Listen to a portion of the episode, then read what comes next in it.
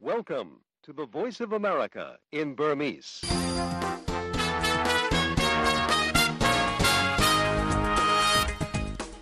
မင်္ဂလာညချမ်းပါရှင်။ VOA American တန်ရဲ့2024ခုနှစ် Match လ3ရက်တနင်္ဂနွေညချမ်း VOA မြန်မာပိုင်းစီစဉ်တွေကို American ပြည်ထောင်စု Washington DC ကနေစတင်ထုတ်လွှင့်နေပါပြီရှင်။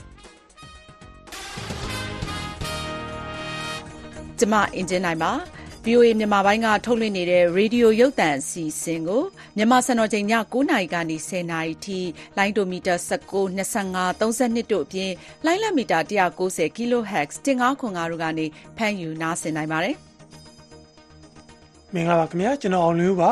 ဒီညနားဆင်ရမယ့် သတင်းတွေထဲမှာတော့ ဂါဇာဒေသမှာ အပြည့်ရရေးအတွက် ဆွေးနွေးမှုတွေ အီဂျစ်နိုင်ငံကာယိုမြို့မှာ ပြန်လည်စတင်နေပါပြီ။ မြန်မာနိုင်ငံအွန်လိုင်းရာဇဝတ်ခိုင်းတွေကလွတ်မြောက်လာသူတရုတ်နိုင်ငံသား900လောက်ကိုထိုင်းကတဆင့်ပြန်ပို့ပါတယ်ဒီလိုထိတ်တန်းရောက်မြန်မာနဲ့နိုင်ငံတကာသတင်းတွေကိုတော့မိုင်းရင်ချင်းနိုင်တဲ့သူပြောပြသွားမှာပါ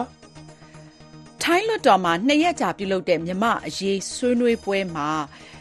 လူခွင့်ရေးဒီလူသားချင်းစာနာမှုအကူအညီပေးရေးကိစ္စဘာတွေတင်ပြခဲ့ကြပါသလဲဒီအကြမ်းဖက်မှုကိုဖန်တီးတဲ့စေအုပ်စုနဲ့တွားလုပ်နေတယ်ဆိုတဲ့ဥစ္စာကသူ့ရဲ့မှားယွင်းချက်ပေါ့နော်အဲ့ဒီမှာလိုအပ်ချက် အာလမ်းကြောင်းလွဲသွားပြီပေါ့ကျမတို့ပြောတာလေဒါကတော့မြမအရေးလှုပ်ရှားသူမခင်အောင်မှာပြောသွားတာပါ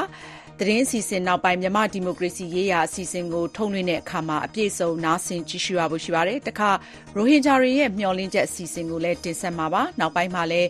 ဒီ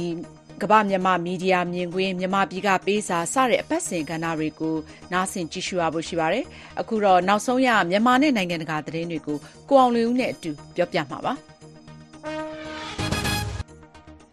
အစ္စရေးနဲ့ဟာမတ်ဟာမတ်ကြားဂါဇာဒေသမှာအပြစ်ခတ်ရစဲဖို့နဲ့ဖမ်းဆီးထားတဲ့ဒဇာကန်တွေပြန်လွတ်ဖို့သဘောတူညီချက်ရရှိရေး အီဂျစ်နဲ့ကတာနိုင်ငံကစစ်ဆက်ညှိနှိုင်းသူတွေနဲ့ဆွေးနွေးမှုတွေကိုကိုင်ရိုမြို့မှာဒီကနေ့ပြန်လည်စတင်မှာဖြစ်ပါတယ်။နောက်ဆုံးအဆိုပြုချက်ပေါ်ဟာမတ်စ်တွေဘက်ကတုံ့ပြန်ချက်ရမယ်လို့လည်းခံမှန်းထားကြတာပါ။အဆိုပြုချက်ကိုအစ္စရေးကအတိုင်းအတာတစ်ခုထိလက်ခံထားတယ်လို့လည်းအမေရိကန်သမ္မတဂျိုးဘိုင်ဒန်အစိုးရအကြီးအကဲအရာရှိတူကပြောပါတယ်။အဆိုပြုထားတဲ့အတိုင်းလက်ခံကြမယ်ဆိုရင်တော့ဂါဇာဒေသမှာသတင်း6ပတ်ကြာအပြစ်ခတ်ရစဲထားပြီးဟာမတ်စ်တို့ဖမ်းဆီးထားတဲ့ဒဇာကန်တွေကထိခိုက်တဲ့နိုင်သူတွေကိုဦးစားပေးပြန်လွတ်ပေးမှာဖြစ်တယ်လို့စာနာမှုအကူအညီတွေကိုပုံမခွင့်ပြုသွားမှာပါဟာမတ်စ်ဖွဲ့ကတော့ယာယီပြစ်ခတ်ရစဲရေးကနေစစ်ပွဲအဆုံးသတ်ဖို့ထိလိုလားတဲ့ရည်တည်ချက်ကိုမပြောင်းလဲဘူးလို့အီဂျစ်ဆိုးတာဝန်ရှိသူတွေနဲ့ဟာမတ်စ်ဖွဲ့နဲ့နီးစပ်သူတူကိုကိုးကားပြီးသတင်းတွေကဖော်ပြနေကြပါတယ်ခင်ဗျာအနောက်မဟာမိတ်နိုင်ငံတွေအနေနဲ့စစ်လက်နက်ပစ္စည်းတွေကူညီထောက်ပံ့ဖို့ယူကရိန်းသမ္မတ Volodymyr Zelensky ကစနေနေ့ကပြောကြားတဲ့ ညစဉ်ဗွီဒီယိုမိန့်ခွန်းထဲမှာ တိုက်တွန်းသွားပါတယ်။အထူးသဖြင့် ဒုံးကျည်ကာကွယ်ရေးစနစ်တွေကို ထောက်ပံ့ပေးရေး နှောင့်နှေးနေတဲ့အတွက် ယူကရိန်းပြည်သူတွေရဲ့ အသက်တွေကို ပိုပြီး ဆုံးရှုံးစေတယ်လို့လည်း Zelenskyy က ပြောပါတယ်။ယူကရိန်းတောင်ပိုင်း ဆိပ်ကမ်းမြို့ Odesa ကို ရုရှားက ဒရုန်းတွေနဲ့ ပစ်ခတ်တိုက်ခိုက်ခဲ့ရာမှာ စနေနေ့က တိုက်ခန်းတခန်း ထိမှန်ခဲ့တဲ့အတွက် ကလေးငယ်တဦး၊အမျိုးသမီးတဦး အပါအဝင် လူ ၇ ဦးထက်မနည်း သေဆုံးခဲ့တယ်လို့ ယူကရိန်း ပြည်ထဲရေးဝန်ကြီးက သူ့ရဲ့ လူမှု တယ်လီဂရမ် အကောင့်မှာ ရေးသားထားပါတယ်။အ မေရိကန်ပြည်ထောင်စုအိုင်ဒါဟိုနဲ့မစ်ဇူရီပြည်နယ်တွေမှာကျင်းပခဲ့တဲ့ Republican ပါတီရဲ့သမ္မတလောင်းရွေးပွဲမှာသမ္မတဟောင်းဒေါ်နယ်ထရန့်အနိုင်ရသွားပါတယ်။စနေနေ့ကရွေးချယ်ပွဲမှာအနိုင်ရလိုက်တာကြောင့်မီရှီဂန်ပြည်နယ်မှာကျင်းပမဲ့ပါတီညီလာခံကြရင် မဲပေးခွင့်ရှိတဲ့ကိုယ်စားလှယ်မဲ39မဲစလုံးကိုရရှိခဲ့ပြီး Republican ပါတီရဲ့သမ္မတလောင်းဖြစ်ရွေးချယ်ခံရဖို့လဲပို့ပြီးနှီးစက်လာနေတာပါ။သမ္မတလောင်းထရန့်နဲ့ပြိုင်ဘက်ဖြစ်တူးရဲကကျန်တော့တဲ့ကုလသမဂ္ဂတမ်မတ်ကြီးအောင်နီကီဟေလီကတော့ပထမဆုံးအကြိမ်သမ္မတလောင်းဖြစ်ခွင့်ရဖို့ဆက်လက်ရှင်ပြိုင်နေစေဖြစ်ပါတယ်။သမ္မတလောင်းထရန့်ကတော့အရေးကြီးတဲ့ကိုယ်စားလှယ်မဲတွေပါဝင်စုစုပေါင်း244မဲရထားပြီးတမန်တမ်မတ်ကြီးအောင်ဟေလီကတော့24မဲသာရရှိထားပါတယ်ခင်ဗျာ။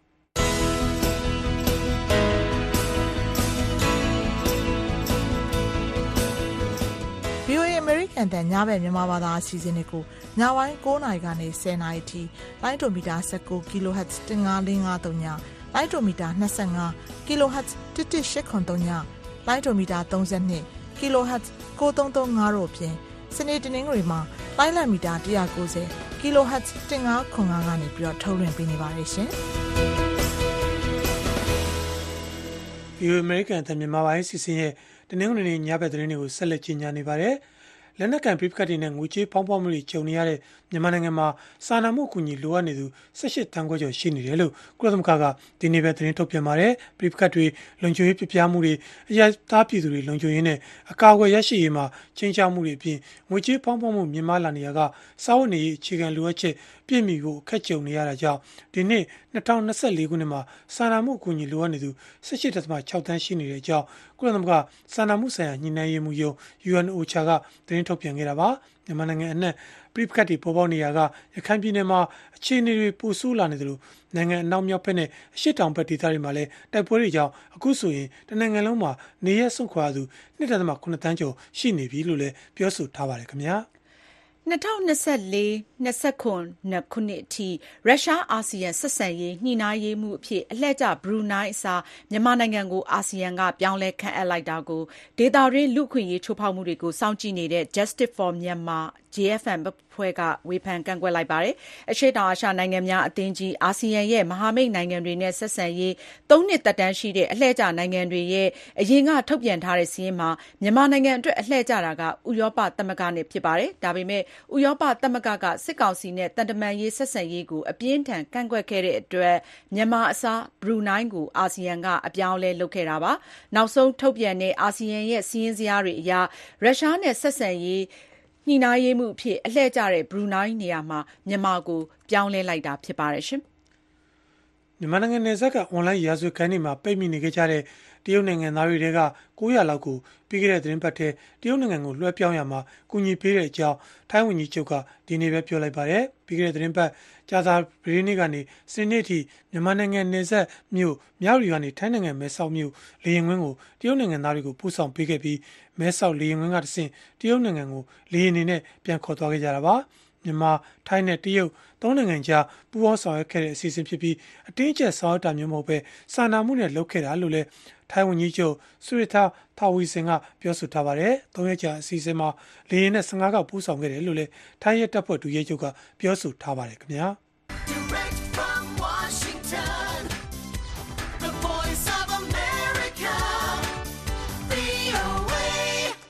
အခုဆက်လက်ပြီးတော့ရိုဟင်ဂျာတို့ရဲ့မျှော်လင့်ချက်အစီအစဉ်ကိုတင်ဆက်မှာပါ။ရခိုင်ပြည်နယ်အတွင်းအသွာလာထိန်းချုပ်ကန့်သက်ခံထားရတဲ့ရိုဟင်ဂျာမွတ်စလင်တွေအပေါ်မဖြစ်မနေစစ်မှုထမ်းရမယ်ဆိုတဲ့ဖိအား ပေးမှုတွေ ရှိလာနေတဲ့အပေါ်မှာတော့ NUG ကြားကာလ အမျိုးသားညီညွတ်ရေးအစိုးရ လူ့အခွင့်အရေး ဒုဝန်ကြီးက ကန့်ကွက်ရှုံချလိုက်ပါတယ်။ဆက်သွယ်မေးမြန်းထားတဲ့ မဆုမွန်က တင်ပြမှာပါ။ဦးအောင်ကျော်မိုးရှင် အခုလိုမျိုး VOA မြန်မာပိုင်းကို ဆက်သွယ်မေးမြန်းခွင့်ပြုတဲ့အတွက် ကျေးဇူးအများကြီးတင်ပါတယ်။ဟုတ်ကဲ့ ကျေးဇူးတင်ပါတယ်ခင်ဗျာဟုတ်ကဲ့ဟုတ်ဒီပြည်သူစစ်မှုထမ်းဥပဒေပေါ့ နိုင်ငံသားတိုင်း မဖြစ်မနေ စစ်မှုထမ်းရမယ်ဆိုတဲ့ ဥပဒေပြဋ္ဌာန်းချက်နဲ့ ပတ်သက်ပြီးတော့ အဓိကကတော့ကျမကရခိုင်ပြည်နယ်မှာရှိတဲ့ဒီရိုဟင်ဂျာကျေးရွာကဒီလူလက်ပိုင်းတွေလူငယ်ပိုင်းတွေနဲ့ဒီရိုဟင်ဂျာကန့်နေထဲမှာရှိနေတဲ့ဒီပေါ့နော်ဟိုရိုဟင်ဂျာဒုက္ခသည်တွေကိုစစ်ကောင်စီဘက်စစ်မှုထမ်းဖို့အတွက်ခေါ်နေတယ်ဆိုတော့ဒီသတင်းတွေလည်းကြားရတယ်အတီးပြူတာတွေလည်းရှိတယ်ဒီပေါ်မှာဥအောင်ကျုံမိုးရဲ့အမြင့်သုံးသက်ချက်ဘယ်လိုရှိပါလဲရှင်ပထမဆုံးကတော့စစ်ကောင်စီကသူထုတ်ပြန်လိုက်တဲ့ပြန်အသက်သွင်းလိုက်တဲ့ဒီစစ်မှုထမ်းဥပဒေပေါ့လေ နိုင်ငံတော်စီမံအုပ်ချုပ်ရေးကောင်စီသည်ပြည်သူ့စစ်မှုထမ်းဥပဒေအား2024ခုနှစ်ဖေဖော်ဝါရီလ10ရက်နေ့တွင်စတင်အာဏာတည်ကြောင်းသတ်မှတ်သည့်အမိန့်ကြော်ညာစာကိုဒီကနေ့ရက်စွဲဖြင့်ထုတ်ပြန်လိုက်ပါတယ်။ဒါကဟိုသူ့စီမှာလုတ်ပိုက်ခွင့်မရှိတဲ့တရားမဝင်လုပ်ရဖြစ်တယ်။အဲဒီဒီလိုမစင်မကျင်နိုင်ငံရေးကျိုးမြတ်ရှာဖို့အတွက်သူရှင်တန်ဖို့အတွက်ဒီလိုလုပ်ရက်တွေကြောင့်ပြည်သူလူထုတွေအပေါ်မှာ အာတက်ရောက်မှုတွေစီးပွားရေးရာလူမှုဒီလူမှုရေးရာအာတက်ရောက်မှုတွေရှိနေပြီးတော့ပြည်သူလူထုတွေကြားထဲမှာပေါ့နော်အကြောက်တရားတွေအစိုးရင်ပူပန်မှုတွေအများကြီးရှိနေတာဒါလာသတန်တူပဲရခိုင်ပြည်နယ်မှာလည်းသူတို့လာသတန်တူတဲ့ဟိုမဒီလောက်ရမျိုးတွေလောက်ပြီးတော့ဒီစုဆောင်းမှုတွေပြည်သူလူထုတွေနဲ့ထိထိဆက်ဆံမှုတွေလောက်ပြီးတော့စစ်ဒီစစ်သားအာစစ်မှုတဲ့ဖို့အတွက်ရိုဟင်ဂျာတွေကိုသူတို့ အော်တွားပြီးတော့စီယုံတာကလည်းရှိတယ်ဒီဥပဒေမပြတဲ့ငယ်ကာလတော့တွင်မှာလည်းသူတို့တစ်ချိန်တကအဲ့လိုတွားပြီးတော့အာစကားပြောခဲ့တဲ့သတင်းချက်လက်တွေကျွန်တော်ရခဲ့တာရှိရပေါ့အဲဆိုတော့တကယ်တမ်းရခိုင်ပြည်နယ်အာမှာရှိနေတဲ့ရိုဟင်ဂျာတွေ6သိန်းသောရိုဟင်ဂျာတွေပေါ့ခံမှန်းကြည့်အဖြစ်ပြောမယ်ဆိုလို့ရှိရင်အဲ့ဒီမှာတသိန်းခွဲလောက်ကဒီ2012ကတည်းကဒီနေ့တည်းချင်းအထိဒီနိုင်ငံတကာလူသားချင်းစာနာထောက်ထားမှုကူညီတွေကိုပဲမိခုပြီးတော့ဒီဒုက္ခသည်စခန်းတွေမှာအခက်အခဲပေါင်းများများစွာနဲ့ နေကြရတာဖြစ်ပါတယ်ကျန်တဲ့ဟာတွေကလည်းတွာလာမှုပိတ်ပြီးဒီလိုအခက်ခဲတွေနဲ့သူတို့ဟို2019တော့ထွက်မပြေးခင်နေပေါ့နော်အာနေထိုင်နေရကြားရတဲ့လူတွေဖြစ်တယ်တာမန်လူတွေလူဟိုဟိုနေထိုင်သွားလာနိုင်တဲ့လူတွေမဟုတ်တဲ့ခါကျတော့ဒီလိုထိရှာလွေတဲ့ဒီဒီလူထိခိုက်နေတာမှုအများဆုံးရှိနိုင်တဲ့လူတွေကိုပြတ်မှတ်ထားပြီးတော့စုတော်မှုတွေစစ်စစ်သားစုစုံမှုတွေလုပ်တယ်ဆိုတာကလည်းဒါအမတန်မှဟိုဟို ဟိုပါပေါ့စိတ်ပြဖို့ကောင်းတဲ့အရာဖြစ်တယ်လို့အမတန်ဟိုလူမဆန်တဲ့လုပ်ရလို့ပြောလို့ရတာပေါ့နော်ဟုတ်ကဲ့အထူးသဖြင့်ပေါ့နော်ဒီရခိုင်ပြည်နယ်မြန်မာတနိုင်ငံလုံးအတိုင်းအတာနဲ့ဒီလိုမျိုးမဖြစ်မနေစစ်မှုထမ်းရမယ်ဆိုတဲ့ဥပဒေပြဋ္ဌာန်းလိုက်တဲ့အချိန်ကနေစပြီးတော့မြန်မာနိုင်ငံထဲမှာရှိတဲ့ဒီလူငယ်တွေလူရွယ်တွေတော်တော်များများကအာဒီ တိုင်းရင်းသားလက်နက်ကိုင်အဖွဲ့တွေနောက်ဒီပြည်သူ့ကာကွယ်ရေးတပ်ဖွဲ့တွေရှိသွားတာရှိသလိုအိန္ဒိယနိုင်ငံတွေနဲ့ပြည်ပနိုင်ငံတွေထွက်ဖို့လဲစ조사နေပဲပေါ့ဒါပေမဲ့ရခိုင်ပြည်နယ်အနေထားကတော့ဒီလိုမျိုးမြန်မာနိုင်ငံတဝန်းလုံးမှာရှိတဲ့လူငယ်တွေရဲ့အနေထားနဲ့ဘယ်လိုပြောမလဲဆိုတော့နည်းနည်းလေးဒီကွာဟမှုရှိတယ်ပေါ့နော်ရခိုင်မှာကကြတော့ဒီငကိုကလေးကမှဒီရိုဟင်ဂျာမွတ်စလင်လူငယ်တွေအထူးသဖြင့်လူလက်ပိုင်းနေရာ လွတ်လပ်စွာလှုပ်ရှားသွားလာခွင့်လည်းမရှိသွားလာခွင့်တွေလည်းအများကြီးပိတ်ထားတယ်စစ်မှုထမ်းဥပဒေကြတော့မှဒီလိုရိုဟင်ဂျာလူငယ်တွေအပေါ်မှာမဖြစ်မနေလိုက်နာရမယ်ဆိုပြီးဖိအားပေးလာတဲ့အနေအထားပေါ်မှာရောဥအောင်ကျော်မို့ဘယ်လိုသုံးသပ်မိပါလဲရှင်အဓိကကစစ်ကောင်စီကဒီလူတွေကိုဟိုလူသားတိုင်းတပွေအသုံးပြုဖို့အတွက်အဲဒီစူးစမ်းတဲ့လုပ်ရဖြစ်တယ်လို့တစ်ဖက်ကအရှိမှကျွန်တော်ပြောသွားတယ်လို့သူ့အနေနဲ့အာဒီအနာရှင်စနစ်ကိုတည်မြဲဖို့အတွက် သူ့ရဲ့ဒီဒီဒီစစ်ကောင်စီရဲ့ဒီသူ့ရဲ့ပြောထားတဲ့နိုင်ငံရေးအရ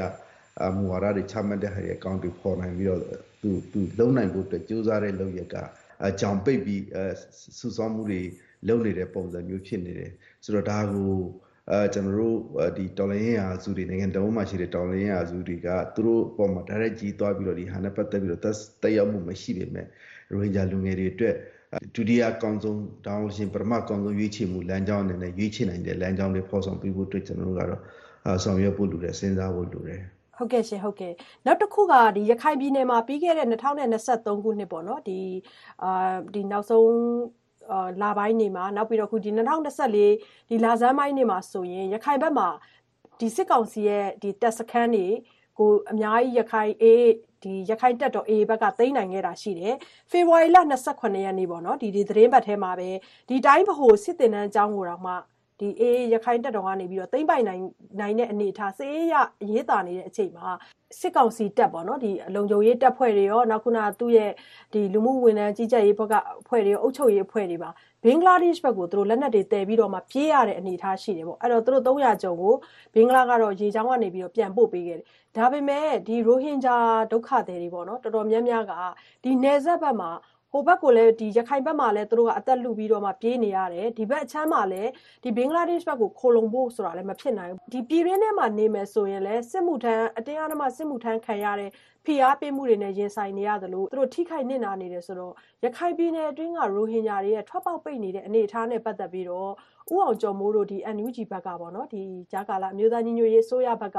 ဒီရခိုင်ပြည်နယ်ထဲမှာရှိနေတဲ့အထူးသဖြင့်ဒီလူနည်းစုပေါ့နော်ဒီဘယ်ဘက်ကိုမှပြေးလို့သွားလို့မရနေတဲ့အနေအထားမှာဖြစ်နေတဲ့ဒီရိုဟင်ဂျာမွတ်စလင်တွေအပါအဝင်ရခိုင်ပြည်သူတွေနဲ့ပတ်သက်ပြီးတော့ဘာတွေများဆောင်ရွက်ပေးဖို့ရှိလဲနောက်ပြီးတော့ဘာတွေများသူတို့အတွက်လုပ်ပေးနိုင်မယ်ဆိုရင်အများသူတို့အတွက်ပေါ့နော်အဆင်ပြေနိုင်မယ်လို့ထင်ပါလဲရှင်ဟုတ်ကဲ့ဒီ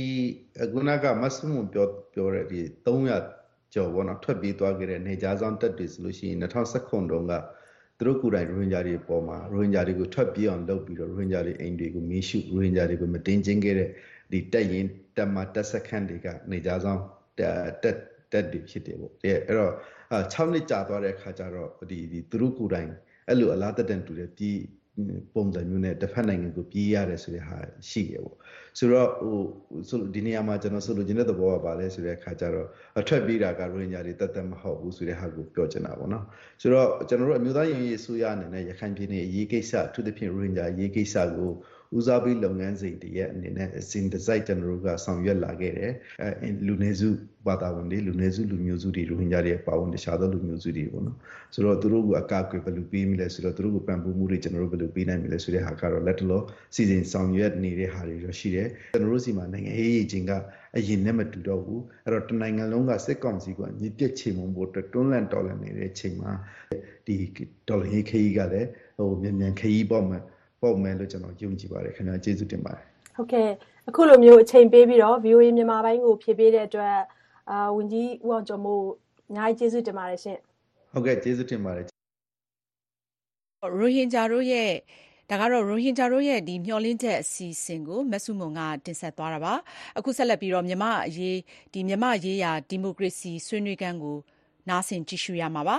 မက်ရှလာ2ရက်နေ့ကနေ3ရက်နေ့အထိထိုင်းလွှတ်တော်မှာမြမအရေးဆွေးနွေးပွဲကိုလွှတ်တော်ရဲ့အမျိုးသားလုံခြုံရေးနေဆက်ရေးရာအမျိုးသားမဟာဗျူဟာနဲ့အမျိုးသားပြုပြင်ပြောင်းလဲရေးကော်မတီဥက္ကဋ္ဌဖက်ကင်ကောင်းပါတီကလွှတ်တော်အမတ်နိုင်ရာစီနိုင်ရာစီကနေပြီးတော့ဦးစီးပြုလုပ်ခဲ့တာဖြစ်ပါတယ်ထိုင်းစစ်ဦးစီးချုပ် ကိုယ်တိုင်တက်ရောက်ပြီး မိန့်ခွန်းပြောကြားခဲ့တဲ့ ဒီမြန်မာ့အရေးဆွေးနွေးပွဲမှာ လူသားချင်းစာနာမှု အကူအညီပေးရေးကိစ္စတွေလည်း အဓိက ပါဝင်ခဲ့ပါတယ်။ကိုယ်တိုင်တက်ရောက်ဆွေးနွေးခဲ့တဲ့ မြန်မာ့အရေးလှုပ်ရှားနေသူ ဒေါ်ခင်ဥမ္မာကို Zoom ကနေ ဆက်သွယ်မေးမြန်းထားပါတယ်။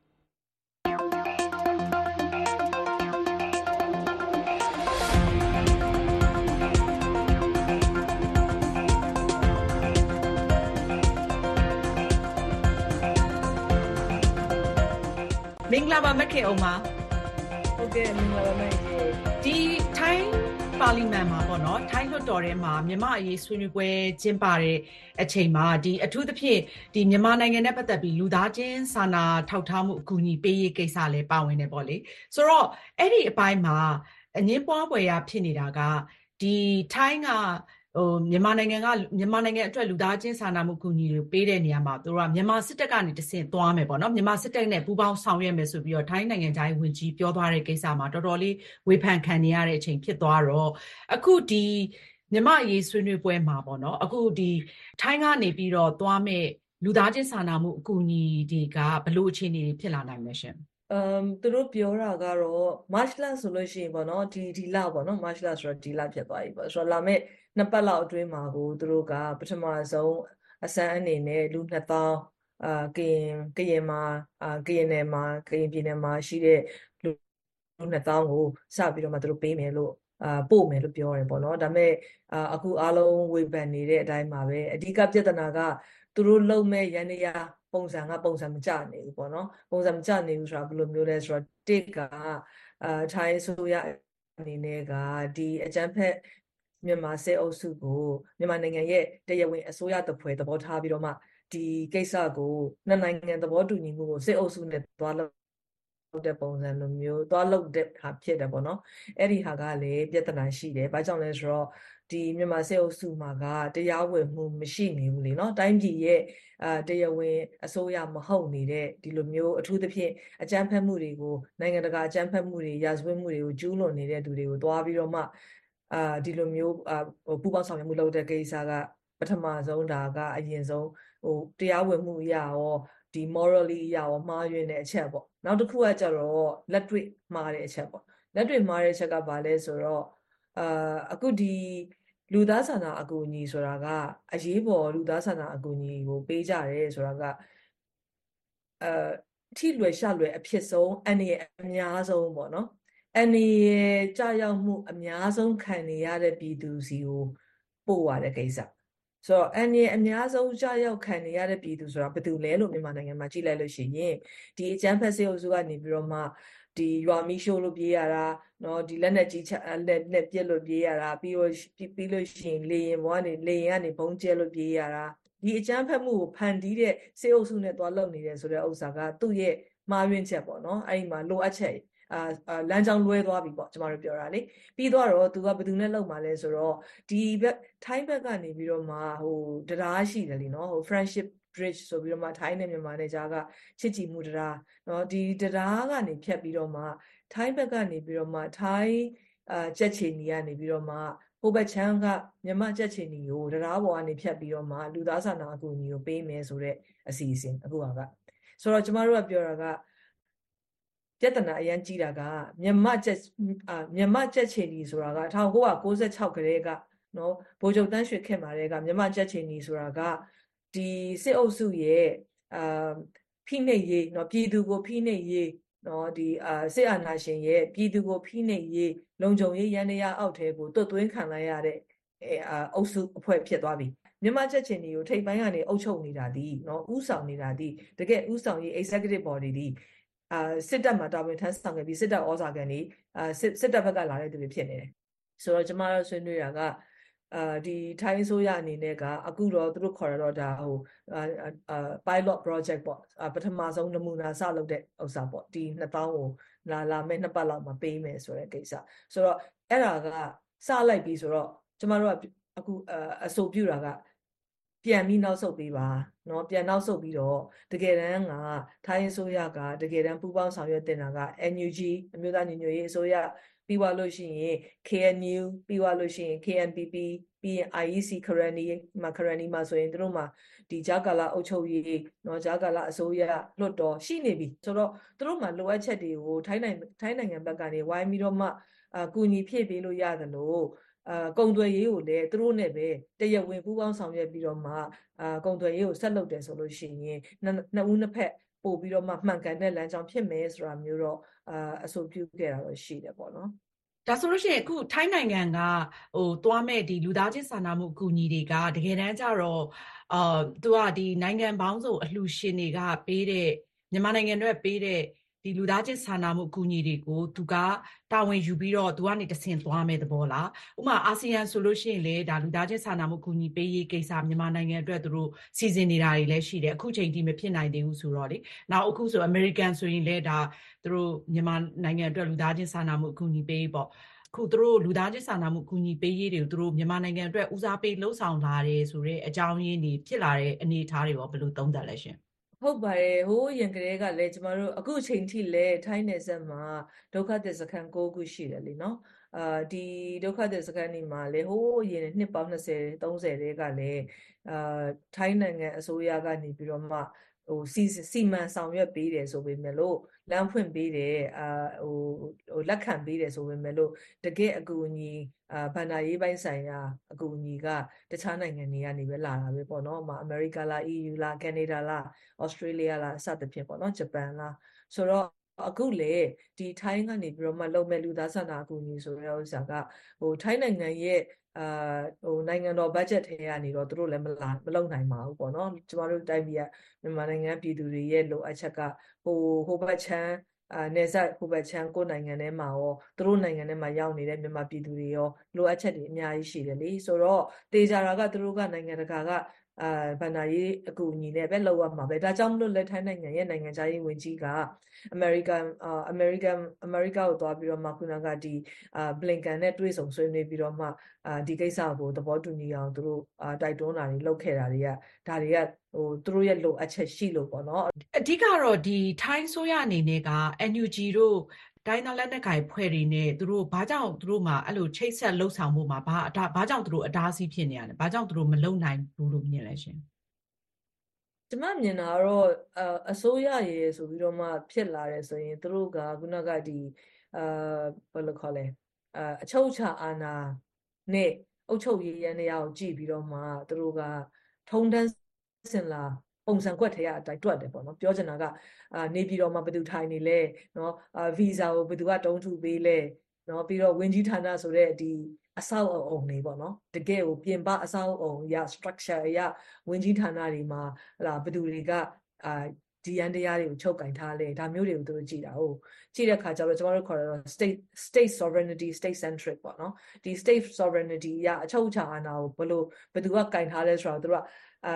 တိုင်းပြည်တပြည်ရဲ့မြို့တော်မှာဘယ်သူနော်တိုင်းပြည်တပြည်ရဲ့မြို့တော်မှာဘယ်သူကဒါကိုဒီမြို့တော်ရဲ့အုပ်ချုပ်ရေးရန်တရားတွေကိုဘယ်သူကအုပ်စီးထားလဲဆိုတဲ့ဟာမျိုးကိုကြည့်တယ်လေဆိုတော့သူတို့ဘက်ကအခုလောလောဆယ်အာသူတို့ဘက်ကအဖြေထုတ်ရမှာပေါ့နော်ကျမတို့ကထိုင်းလွှတ်တော်ကိုအဆိုပြုတာကထိုင်းအစိုးရနဲ့တေချာဆွေးနွေးပြီးတော့မှညှိနှိုင်းပေးပါနော်ထိုင်း နိုင်ငံရဲ့နော်စီးပွားရေးကုန်သွယ်ရေးဟာမြန်မာနိုင်ငံပြည်သူတွေနယ်စပ်မှာရှိတဲ့တိုင်းရင်းသားဒေသအသီးသီးပြည်သူတွေအားလုံးအတွက်လည်းအရေးကြီးပါတယ်။ဒါကြောင့်မလို့နယ်စပ်တွေမှာနော်နယ်စပ်နယ်စပ်ကုန်သွယ်ရေးတွေအကုန်လုံးဟာဟလာကရင်ကရင်နီအုပ်ချုပ်ရေးရန်တရားတွေနဲ့နော်ဒီကုန်သွယ်ရေး policy တွေနဲ့ပူးပေါင်းဆောင်ရွက်လို့ရပါပြီပေါ့အဲဒါကြောင့်မလို့ဟိုနေပြည်တော်မှာရှိနေတဲ့စေအုပ်စုစီကိုသွားတဲ့ဟာကိုအာမလုပ်တော့ဘဲနဲ့ဖြတ်လိုက်ဖို့ပဲကျမတို့ကအဆိုပြုတယ်ပေါ့နော် ဒီထိုင်းလွှတ်တော်မှာ ပြုလုပ်တဲ့ မြန်မာ့အရေးဆွေးနွေးပွဲကို ဦးစီးကျင်းပတာက ဒီလွှတ်တော်မှာရှိတဲ့ အမျိုးသားလုံခြုံရေးဆိုင်ရာကော်မတီရဲ့ ဥက္ကဋ္ဌပေါ့နော် ဆိုတော့ ဒီလွှတ်တော်အမတ်က သူက အဲ့တော့ ဦးစီးကျင်းပတာဆိုတော့ မြန်မာနိုင်ငံနဲ့ ပတ်သက်ပြီးတော့ ထိုင်းနိုင်ငံ အမျိုးသားလုံခြုံရေးမှာပေါ့နော် ထိုင်းဘက်က အဓိက သူတို့ ဘာတွေဟိုစိုးရိမ်တာတွေပေါ့ သူတို့ အဓိကထားတဲ့အချက်တွေ ဘာတွေ တွေ့ရလဲရှင်သူတို့တေချာတာတော့လေဟိုဟိုဟို နေဆက်လုံခြုံရေးပေါ့နော်နေဆက်လုံခြုံရေးလို့ပြောတဲ့အခါမှာကျမတို့အာသူတို့ဘက်ကနေမြင်ကြည့်လို့ရတာကအာဒီစစ်ပွဲတွေဖြစ်နေတဲ့ကိစ္စနော်နောက်စစ်ပွဲဖြစ်တဲ့အခါမှာလည်းရှင်းရှင်းပြောရင်မှာစစ်အုပ်စုကဥမာလေလေချောင်းကိုအားကိုးတဲ့အခါမှာလေချောင်းနဲ့အာလာတဲ့အခါမှာနေဆက်နေဆက်ကတ်နေတဲ့နိုင်ငံတွေမှာသူတို့ရဲ့အမျိုးသားလုံခြုံရေးနဲ့အချုပ်အခြာအာဏာကိုလည်းထိခိုက်တယ်လေမြန်မာနိုင်ငံဘက်မှာဒီစစ်အုပ်စုအကြမ်းဖက်ခံရမှုကိုပြန်ပြီးတော့မှ defend လုပ်ရတဲ့เนาะပြန်ပြီးတော့ကာကွယ်ရတဲ့เนาะဒီအဲတော်လန်ရေးအင်အားစုတွေဘက်ကနေလက်တုံပြန်ရတယ်တိုးတော်လည်းပဲပြောချင်တာအနှစ်အနှစ်သာရအရာမှာတော့မြန်မာနိုင်ငံမှာပြည်တွင်းစစ်ဖြစ်တယ်စစ်ပွဲဖြစ်တယ်ဆိုတော့အဲ့ဒီစစ်ပွဲဒီအဲ့ဒီစစ်ပွဲရဲ့နောက်ဆက်တွဲအကျိုးအနောက်ဆက်တွဲတက်ရောက်မှုတွေပေါ့နော်အဲ့တက်ရောက်မှုတွေကစစ်စစ်ရေးအရာတက်ရောက်တာတွေရှိနိုင်တယ်ထိုင်းထိုင်းနိုင်ငံရောထိုင်းစစ်တပ်ကရောမြန်မာစစ်တပ်ရဲ့လူမဆန်မှုတွေယဉ်ကျေးမှုမရှိမှုတွေကိုသူတို့လည်းကောင်းကောင်းသိတယ်အဲ့တော့သူတို့ဘက်က သူတို့နိုင်ငံရဲ့လုံခြုံရေးအရာကြည့်ရမယ့်ဟာတွေအများကြီးရှိတယ်နော်လူတွေဝင်လာလို့ပါလာမဲ့နော်နောက်ဆက်တွဲအာစီးပွားရေးလူမှုရေးပြဿနာတွေပြီးရင်စစ်တပ်ရဲ့အာဟိုအကြမ်းဖက်မှုတွေစစ်ရေးအရာအကြမ်းဖက်မှုတွေကြောင့်မလို့သူတို့နိုင်ငံရဲ့အာအချုပ်ချာအာဏာနယ်မြေနဲ့လုံခြုံရေးကိုထိခိုက်လာနိုင်တယ်ဒါတွေလည်းသူတို့ဘက်ကအများကြီးစဉ်းစားရတဲ့ဟာမျိုးရှိတယ်ဆိုတော့ကျမမြင်တာတော့သူတို့ဘက်ကအာခြုံပြီးတော့မှခုနက စစ်စစ်ပိုင်းဆိုင်စစ်ဖက်ဆိုင်ရာအရာအချုပ်အခြာအာဏာလုံခြုံရေးလူသားဆိုင်ရာလုံခြုံရေးသူတို့နိုင်ငံရဲ့လူမှု fabric နော် social fabric နဲ့လူမှုအတိုင်းဝိုင်းပေါ်မှာထိခိုက်လာနိုင်တဲ့အနေအထားမျိုးတွေဒါမျိုးတွေကိုသူတို့စီမံခန့်ခွဲဖို့အတွက်တည်တည်ချာချာကိုသူတို့အာလေးလေးနက်နက်ကိုသူတို့တွေးပြီးတော့မှစီစဉ်မှုတွေစီစဉ်မှုတွေလုပ်ဖို့အာသွားလုပ်နေပြီဆိုတာတော့ကျမတို့မြင်ရတယ်အဲ့တော့တစ်ဖက်မှာလည်းဟိုစစ်ကောင်စီက တော်တော်လေးပြင်းပြင်းထန်ထန်ကန့်ကွက်ပြီးတော့ဒီလိုမြမယူလောက်ရမလားဆိုပြီးတော့စစ်ကောင်စီကကန့်ကွက်တယ်ဖိအားပေးတာလည်းရှိတယ်ဒါပေမဲ့ထိုင်းလွတ်တော်ကလည်းဒီလိုအရင်တည်းကပေါ့နော်ထိုင်းနဲ့မြန်မာအိန္ဒိချင်းဆက်ဆံရေးမှာဆော့ဆော့လို့သူတို့အရန်ကိုဂယုတစိုက်ထားတဲ့ကအထူးသဖြင့်ထိုင်းစစ်တပ်အနေနဲ့လည်းမြန်မာစစ်တပ်နဲ့ဟိုအနိကဆက်ဆံရေးတွေရှိနေတဲ့ကြားတွေကနေပြီးတော့ဒီလိုမြန်မာအရေးကိုပေါ့လေသူတို့တေးသေးချာလေးလေးနက်နက်ဟိုဆွေးနွေးဖို့လုပ်ခဲ့ရတဲ့လုပ်ရတဲ့အကြောင်းရင်းကိုဘယ်လိုမြင်လဲရှင် ဒီမိုကရေစီနိုင်ငံရဲ့ခုနကအချုပ်အခြာအာဏာ power balance မှာဥပဒေပြုရေး policy make လုပ်တဲ့ဥပဒေတိုင်းပြည်ရဲ့တရားဥပဒေစိုးမိုးရေးအတွက်ကိုဥပဒေပြုကြရတယ်ဥပဒေပြုရေးလုပ်ဖို့အတွက်တာဝန်ရှိတဲ့လွှတ်တော်ကအမျိုးသားလုံခြုံရေးအတွက်เนาะတာဝန်ယူရတဲ့ကော်မတီကဒီကိစ္စကိုကင်တွယ်ပြီးဆိုလို့ရှိရင်စစ်တပ်ဆိုတာက ဥပဒေပြုပြီးတော့မှချပေးလိုက်တဲ့ဥစ္စာကိုအကောင့်ထဲပေါ်ပြီးတော့မှတိုင်းပြည်ကိုကာကွယ်ရတာလေအဲ့ဒါကဒီမိုကရေစီနိုင်ငံတွေရဲ့ဒီမိုကရေစီရဲ့အနှစ်သာရပဲအာထိုင်းနိုင်ငံရဲ့ဒီမိုကရေစီဟာကျမတို့အာအာဏာသိမ်းတာတွေခဏခဏသမိုင်းမှာဖြစ်ခဲ့တယ်ဆိုတာရှိတော်လဲပဲဒီမိုကရေစီအုတ်မြစ်ကခိုင်ထားပြီးသားတို့ကအဲ့အတွက်ကြောင့်မလို့အခုလိုမျိုးလွှတ်တော်ရဲ့အမျိုးသားကာကွယ်ရေးအမျိုးသားလုံခြုံရေးကော်မတီကနေဥက္ကဋ္ဌကိုယ်တိုင်ဥဆောင်ပြီးလုပ်တယ်ဆိုတော့ ဒါဟာထိုင်းစစ်တပ်အနေနဲ့လည်းလွတ်တော်ကခေါ်ပြီးဆိုရင်တို့ကလာပြီးရှင်းပြရတာပဲကျမတို့နိုင်ငံလိုမဟုတ်ဘူးလေနော်အဲ့တော့လွတ်တော်ကခေါ်ပြီးဆိုရင်စစ်တပ်တီလည်းလာဟိုတို့ရဲ့အာဗိုလ်ချုပ်တွေလည်းလာပြီးတော့မှဦးစီးစစ်ဦးစီးချုပ်တွေလည်းလာပြီးတော့မှရှင်းပြပေးရတာပဲဆိုတော့ဒါဟာကျမတို့ဒီမိုကရေစီရဲ့အခြေခံအုပ်မြစ်တွေနဲ့အနှစ်သာရတွေထိုင်းမှာရှိနေတဲ့ဥစ္စာဒါကျမတို့အင်မတန်မှဟိုဘယ်လိုခေါ်မလဲမြန်မာနိုင်ငံရှေ့သွားတဲ့အခါမှာလည်းဒီလိုမျိုးအခြေခံအုပ်မြစ်မျိုးတွေကိုခိုင်အောင်လုပ်ဖို့အတွက်ကျမတို့အတွက် အာဟိုနမူနာယူစရာတွေလည်းအများကြီးရှိတယ်ပေါ့နော်ဆိုတော့သူတို့ရဲ့အလေးထားမှုဟာကျမတို့နိုင်ငံဒီမိုဒီ Federal Democracy ပြဖို့အတွက်တိုက်ပွဲဝင်နေတာအတွက်ကိုနိုင်ငံရေးအရာရောเนาะကျမတို့အတွက်အများကြီးအားထားစရာဖြစ်နေလို့ပဲကျမကျမမြင်ပါတယ်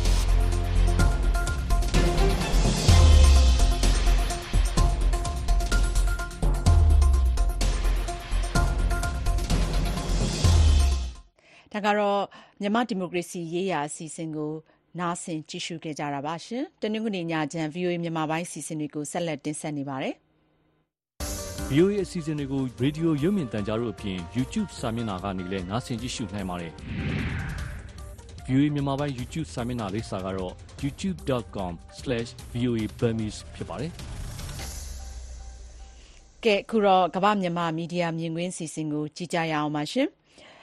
စစ်ကောင်စီက ပြည်သူ့စစ်မှုထမ်းဥပဒေ ပြဋ္ဌာန်းလိုက်ပြီးနောက်ပိုင်းမှာ လူငယ်တွေဟာ စစ်မှုထမ်းရမှာကို ရှောင်ရှားနိုင်ဖို့ကြိုးစားရင်း နိုင်ငံခြားကို အစုလိုက်အပြုံလိုက်ထွက်ဖို့ ကြိုးစားနေကြပါတယ်။ဒီဥပဒေဟာ နိုင်ငံအတွက် ဆိုးရွားတဲ့အကျိုးဆက်တွေ ဖြစ်ပေါ်စေသလို အကျပ်အတည်းကြားက အခွင့်အလမ်းတွေလည်း ဖြစ်ပေါ်စေနိုင်တဲ့အကြောင်း ကမ္ဘာမြန်မာမီဒီယာမြင်ကွင်းမှာ ဆောင်းပါးရှင် ပြည်သွေးနိုင်နဲ့အတူ အလိမ္မာက တင်ဆက်ထားပါတယ်။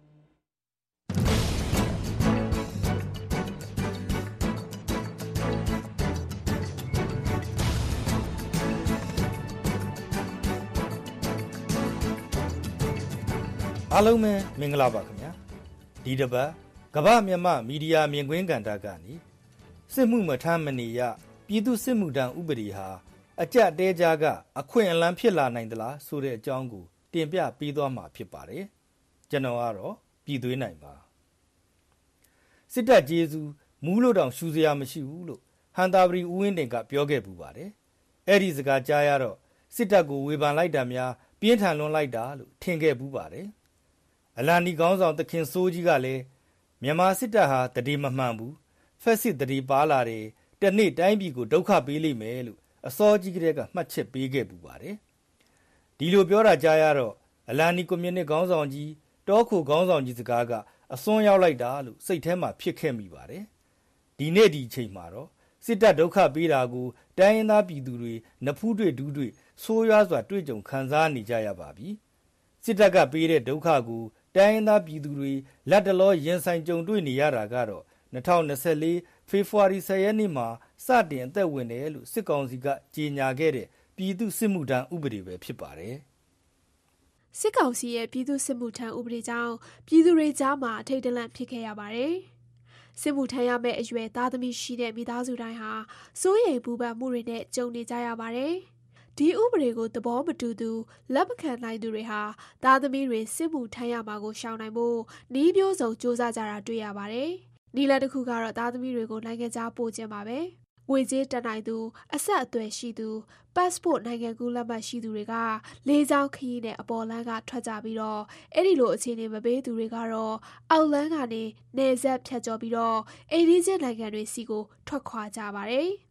အပေါ်လမ်းကရောအောက်လမ်းကရောအများဆုံးထွက်ခွာကြတာကတော့ထိုင်းနိုင်ငံကိုပဲဖြစ်ပါတယ်။ပြည်သူ့စစ်မှုထမ်းဥပဒေကြေညာပြီးနောက်မှာဗီဇာရရှိရေးအတွက်ရန်ကုန်ကထိုင်းတန်ယုံရှိမှာတိုးဝေတန်းစီနေကြတာကိုမီဒီယာတွေမှာမြင်တွေ့နေရပါတယ်။အဖြစ်ကဘလောက်တောင်ဆိုးသလဲဆိုရင်မန္တလေးမြို့က passport နိုင်ငံကူးလက်မှတ်ရုံးမှာ passport ရရှိရေးတိုးဝေကြရင်လူအုပ်ပြီးလို့အမျိုးသမီးငယ်လက်ဦးသေဆုံးခဲ့ရတဲ့အထီးပါပဲစစ်ကောင်စီရဲ့ပြည်သူစစ်မှုထမ်းဥပဒေအပေါ် မြမကမ္ဘာမီဒီယာတွေက ပြင်းပြင်းထန်ထန်ဝေဖန်ရေးသားခဲ့ကြတာတွေ့ရပါတယ်။အလားတူပါပဲအမေရိကန်ပြည်ထောင်စုဝါရှင်တန် DC အခြေစိုက် USIP လို့ခေါ်တဲ့အမေရိကန်ငြိမ်းချမ်းရေး Institute ကလည်းသူ့ရဲ့အင်တာနက်စာမျက်နှာမှာမြန်မာစစ်ကောင်စီကိုကြမာငင်စေတဲ့ပြည်သူစစ်မှုထမ်းဥပဒေဆိုတဲ့သုံးသက်ချက်ဆောင်းပါးတစ်ပုဒ်ကို2024ဖေဖော်ဝါရီ26ရက်နေ့ကဖော်ပြထားပါတယ်။အဲ့ဒီဆောင်းပါးကိုရေးသားသူကတော့ USIP ရဲ့ဧည့်ပညာရှင်နဲ့ Wilson Center မှာ Global Fellow ဖြစ်ဆောင်ရွက်နေတဲ့ရဲမျိုးဟိန်းဖြစ်ပါတယ်။အခုလိုစစ်ထဲမဝင်မနေရစစ်မှုထမ်းဥပဒေပြဋ္ဌာန်းတာဟာစောက်တီရမရမတီမငြိမ်ဖြစ်နေတဲ့စစ်ကောင်စီရဲ့ပုံရိပ်ကိုပြသနေတာဖြစ်တယ်လို့ဆောင်းပါရှင်ကဆိုပါတယ်။ဆောင်းပါရဲ့အစမှာ KIO ခေါင်းဆောင်တူဖြစ်တဲ့ဗိုလ်ချုပ်ဂွန်မော်ရဲ့သဘောထားမှတ်ချက်နဲ့စထားပါတယ်။ဗိုလ်ချုပ်ဂွန်မော်က2021ဖေဖော်ဝါရီ1ရက်နေ့က ဏီကုန်းရဲ့အစဆိုရင်2024ဖေဖော်ဝါရီ10ရက်နေ့စတင်အာဏာတည်သောဥပဒေကဏီကုန်းရဲ့အဆုံးသတ်လို့ဆိုရမှာပေါ့လို့ပြည်သူစစ်မှုထမ်းဥပဒေနဲ့ပတ်သက်လို့မှတ်ချက်ပေးခဲ့ပါတယ်။ဒီစစ်မှုမထမ်းမနေရဥပဒေကြောင့်ဒေသတွင်းမတည်မငြိမ်ဖြစ်မှုကိုပုံမကြီးထွားလာစေပြီးတော့အိန္ဒိချင်းနိုင်ငံတွေကိုဝန်တော့ဝန်ပိုးဖြစ်စေတယ်။မြန်မာနိုင်ငံတွင်းမှာသာမကဒေသတွင်းကိုပါဝရုံးသုံးကားနဲ့မတည်မငြိမ်ဖြစ်စေတဲ့ အဓိကလက်သည်အဓိကတရားခံဟာစစ်ကောင်စီဖြစ်တယ်ဆိုတာပုံမခိုင်မာလာစေတယ်လို့လည်းဆောင်းပါရှင်ရဲမျိုးဟင်းကရေးသားထားပါတယ်။ဒါအပြင်ဆောင်းပါရှင်ကပြည်သူစစ်မှုထမ်းဥပဒေရဲ့သမိုင်းကြောင်းကိုလည်းဖော်ပြထားပါတယ်။မြန်မာစစ်တပ်ခေါင်းဆောင်တွေဟာပြည်သူစစ်မှုထမ်းဥပဒေကို1950ခုနှစ်လောက်ကတည်းကစတင်စဉ်းစားခဲ့ကြတယ်။ဘာကြောင့်လဲဆိုတော့အိန္ဒိချင်းအင်အားကြီးနိုင်ငံကြီးတွေဖြစ်တဲ့ တရုတ်နဲ့အိန္ဒိယတို့က ကျူးကျော်လာခဲ့ရင်ဆိုတဲ့ စိုးရိမ်ချက်ကြောင့် ဖြစ်တယ်။ဥပဒေမူကြမ်းကို1955ခုနှစ်မှာ ရေးဆွဲခဲ့ပြီး1958 1960အတွင်း ဗိုလ်ချုပ်ကြီးနေဝင်း အိမ်ဆောင်အစိုးရလက်ထက်မှာ ဥပဒေဖြစ် ပြဋ္ဌာန်းခဲ့တယ်။ဒီဥပဒေကို အဓိကဥဆောင်ရေးဆွဲခဲ့သူကတော့ ဗိုလ်ချုပ်မောင်မောင် ဖြစ်တယ်လို့စောင်းပါးမှာ ဖော်ပြထားပါတယ်။ဘာကြောင့် ဒီဥပဒေ ပြဋ္ဌာန်းရလဲဆိုတာကိုလည်းစောင်းပါးမှာ ရေးသားထားပါတယ်။ အဓိကကတော့စစ်တပ်မှာလူအင်အားရောနေလာလို့ဖြစ်ပါတယ်။စစ်တပ်မှာအင်အား3သိန်းကနေ4သိန်းကြားရှိတယ်လို့ခန့်မှန်းကြပေမဲ့သူ့အနေနဲ့ကတော့2021ခုနှစ်မတိုင်ခင်မှာအင်အား3သိန်းခွဲခန့်သာရှိပါတယ်။ 2023ခုနှစ်တစ်တုံညာနှစ်ခေါ်စတင်ပြီးချိန်မှာတော့စစ်တပ်အင်အားဟာတသိန်း3000ထက်မပိုနိုင်တော့ဘူးလို့ဆောင်းပါရှင်ရဲမျိုးဟိတ်ကဆိုပါတယ်။ဆောင်းပါမှာပြည်သူစစ်မှုထမ်းဥပဒေကြောင့်ဖြစ်ပေါ်လာနိုင်တဲ့အကျိုးဆက်တွေကိုဖော်ပြရမှာတော့လူငယ်တွေကိုတော်လှန်ရေးအင်အားစုတွေအဖြစ်စုဆောင်းပေးရရောက်စီပါလိမ့်မယ်စစ်တပ်တွင်းမှာညီညွတ်ရေးပြတ်ပြားစေနိုင်ပါတယ်။လက်နက်ချအလင်းဝင်သူတွေဗတ်ပြောင်းသူတွေပိုများလာနိုင်ပါတယ်။ အတင်းအကျပ်စစ်တပ်ထဲဝင်စေတာဟာ စိတ်ချယုံကြည်လို့မရတဲ့ လက်အောက်ငယ်သားရဲဘော်တွေသာ ရရှိစေမှာဖြစ်ပါတယ်။ဒီဥပဒေဟာ ပြည်သူတွေကို ပိုစိတ်ဒုက္ခရောက်စေပါတယ်။ဒေသရင်းမတည်ငြိမ်မှုကို ပိုမိုဖြစ်ပေါ်စေပါတယ်။စစ်ကောင်စီကြာဆုံးခန်းကိုမြင်မြန်ရောက်ဖို့တိုးပို့ပေးတဲ့ဥပဒေဖြစ်တယ်လို့ဆောင်းပါရှင်ရဲမျိုးဟိတ်ကသုံးသပ်ထားပါတယ်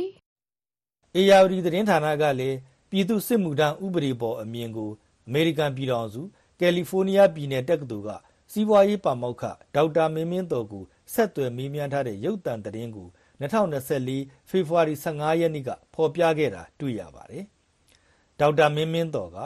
စစ်ကောင်စီက ထုတ်ပြန်တဲ့ စစ်မှုမထမ်းမနေရ ဥပဒေဟာတန်ပေါင်းများစွာသော လူငယ်တွေကို နိုင်ငံကနေ နှင်ထုတ်သူလို ဖြစ်စီတာကြောင့် အလုသမားစည်းကွက် ကုန်ထုတ်လုံနိုင်စွာနဲ့ လူသားအရင်းမြစ်တွေ မတည်မငြိမ်ဖြစ်ပြီး တိုင်းပြည်စီးပွားရေး ထိခိုက်စေတယ်။ကုန်ထုတ်စွမ်းအားကို လျော့နည်းစေနိုင်တာမို့ ကုန်ဈေးနှုန်းတွေလည်းအခုတည်းပိုတက်လာနိုင်တယ်လို့ပြောကြားထားပါတယ်။ဒါပေမဲ့အစိုးရကအကောင်းလို့ဆိုနိုင်တာကတော့လူငယ်တွေဟာအခုရင်ဆိုင်နေရတဲ့အကြက်တဲကနေအခွင့်အလမ်းတွေကိုလည်းဖန်တီးနိုင်မယ်လို့ယုံကြည်တဲ့အကြောင်းပြောပါတယ်။အဲ့ဒါကတော့စစ်မှုမထမ်းမနေရဥပဒေကိုစစ်ကောင်စီကအတင်းအကျပ်တကယ်လုပ်ခဲ့ရင်စစ်တပ်ထဲကအတွင်းသတင်းတွေရရှိနိုင်မယ်။ PDF တွေကိုမတိုက်ဘဲစစ်တပ်အပေါ်ပိုင်းကိုပြန်တိုက်မဲ့သူတွေလည်းဖြစ်ပေါ်လာနိုင်တယ်။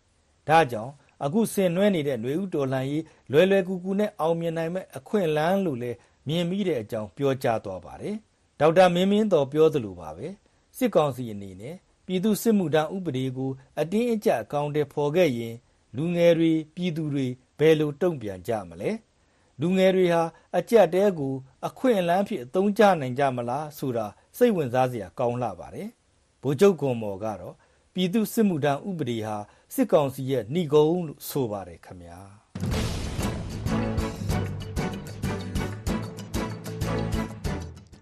။ဒါကတော့ကမ္ဘာမြန်မာမီဒီယာမြင်ကွင်းအစီအစဉ်ကိုဆောင်းမရှင်ပြည်သွေးနိုင်တဲ့အတူအလိမ္မာကတင်ဆက်ခဲ့တာပါဆက်လက်ပြီးတော့ဒီ ISP မြန်မာမြင်ကွင်းကျယ်မှတ်စုအစီအစဉ်ကိုကြည့်ကြရအောင်ပါရှင်။အာနာသိမ့်မှုအလွန်၃နှစ်အတွင်းမှာစစ်ကောင်းဆောင်ဟာသူ့ရဲ့အုပ်ချုပ်ရေးရန်တရားထိပ်ပိုင်းကို ပြောင်းကြည့်ပြင်ကြည့်လုပ်ခဲ့ပါတယ်။ဒီတစ်ပတ်မြင်ကွင်းကျယ်မှတ်စုမှာအဲ့ဒီအကြောင်းအရာအကြောင်းအရာတွေကိုဒီကောက်နှုတ်ပြီးတော့ဖော်ပြထားပါတယ်ရှင်။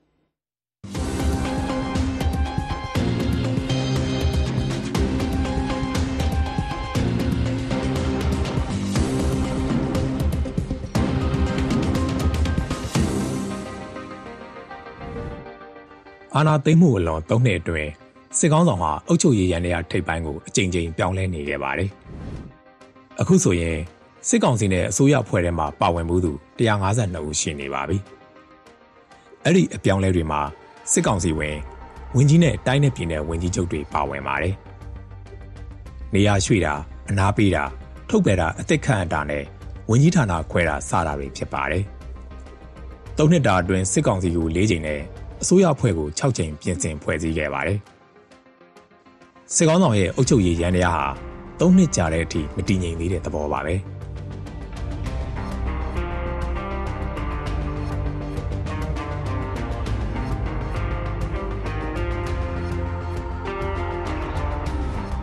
စစ်ကောင်စီရဲ့အုပ်ချုပ်ရေးရန်တရားအပြောင်းလဲဟာဥသိမ်းစိန်အစိုးရနဲ့ NLD အစိုးရလက်ထက်တွေနဲ့ရှင်ရင်စံချိန်တင်များခဲ့ပါတယ်။ဝင်းကြီးအဖွဲ့ကို၃နှစ်အတွင်းမှာပဲ၄၁ကြိမ်ထိအပြောင်းလဲလုပ်ခဲ့ပြီးပါပြီ။ ဒီထဲမှာပြည်တော်စုအဆင့်အဖွဲ့အစည်းတွေရဲ့ဥက္ကဋ္ဌတွေဒုတိယဝန်ကြီးတွေနဲ့တိုင်းနယ်ပြည်နယ်ဝန်ကြီးချုပ်တွေကိုထည့်တွက်မထားပါဘူး။ဦးသိန်းစိန်အစိုးရလက်ထက်မှာပထမ3နှစ်တာအတွင်းအစိုးရအဖွဲ့ရဲ့အပြောင်းလဲက28ကြိမ်ရှိပါတယ်။ NLD အစိုးရလက်ထက်မှာတော့ပထမ3နှစ်အတွင်းမှာ6ကြိမ်ပဲရှိခဲ့တာပါ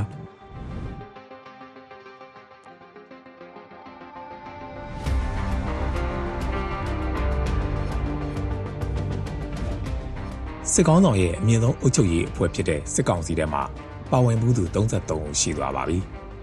။အာနာသိန်းချိန်ကနေအခုထိနေရမြဲနေသေးတာကတော့10ဦးပဲရှိပါတယ်။အရက်သားတွေကပရိုမန်ကြီးမောင်နဲ့ဥရွှေကျင်းတို့2ဦးပဲအဲ့ဒီ10ဦးထဲမှာပါတာပါ။နေရာမြဲနေတဲ့တခြားကောင်စီဝင်တွေကတော့စစ်ကောင်းဆောင်2ဦးဗိုလ်ချုပ်ကြီး2ဦးနဲ့ဒုတိယဗိုလ်ချုပ်ကြီး2ဦးတို့ဖြစ်ပါတယ်။သူတို့တွေကတော့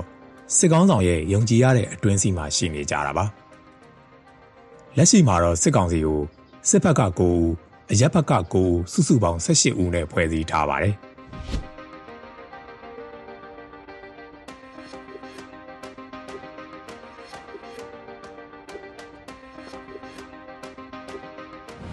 အာနာသိမ့်မှုအလွန်၃နှစ်အတွင်းစစ်ကောင်စီကနေဖယ်ရှားခံလိုက်ရတဲ့ကောင်စီဝင်15ဦးရှိပါပြီ။ဖယ်ရှားခံရသူတွေထဲမှာဗိုလ်ချုပ်ကြီးတဦးနဲ့ဒုတိယဗိုလ်ချုပ်ကြီး2ဦးပါဝင်ပါတယ်။ လေတပ်ဦးစီးချုပ်ဖြစ်တဲ့ဗိုလ်ချုပ်ကြီးမမောင်ကျော်ကို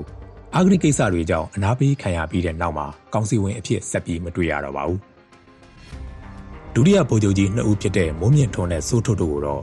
ယာဒူးနဲ့လုတ်ပိုင်ခွင့်ကိုအသုံးပြုပြီးကိုကျိုးစည်းပွားပြုလုပ်တယ်ဆိုပြီးထုတ်ပယ်ထောင်ချခဲ့ပါတယ်။ဒါအပြင်ဦးသိန်းညွန့်ဥက္ကမောင်ဆွေတို့အပါအဝင်အရသာကောင်စီဝင်12ဦးကိုလည်းအနာပေးခဲ့တာပါ။သူတို့တွေကတချို့တွေဟာစစ်ကောင်းဆောင်တဲ့သဘောထားကွဲလွဲခဲ့တာကြောင့်ပါပဲ။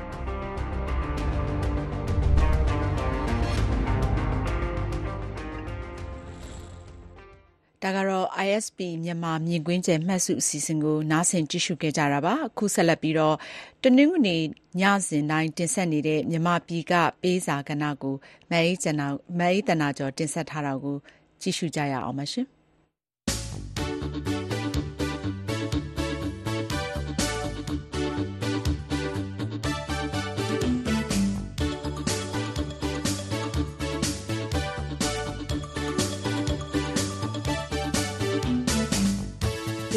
ကင်းရှင်းပြီးတော့မင်္ဂလာပေါင်းတဲ့ပြည်စုံတဲ့နေ့ဖြစ်ပါစေသောရရှိမြရှင်။ VOA ကိုရေးလာတဲ့သောရရှင်တွေရဲ့ပေးစာတွေအီးမေးလ်တွေပြီးတော့ VOA မြန်မာပိုင်း Facebook စာမျက်နှာပေါ်မှာလာပြီးတော့ရေးကြတဲ့သောရရှင်တွေရဲ့မှတ်ချက်တွေနဲ့ Messenger ကစာတွေကိုမြန်မာပြည်ကပေးစာများအစီအစဉ်ကနေပြန်ကြားပေးပါရမယ်ရှင်။အခုအရင်ဦးဆုံးသောရရှင်တွေရဲ့မှတ်ချက်တူလေးတွေနဲ့စချင်ပါတယ်။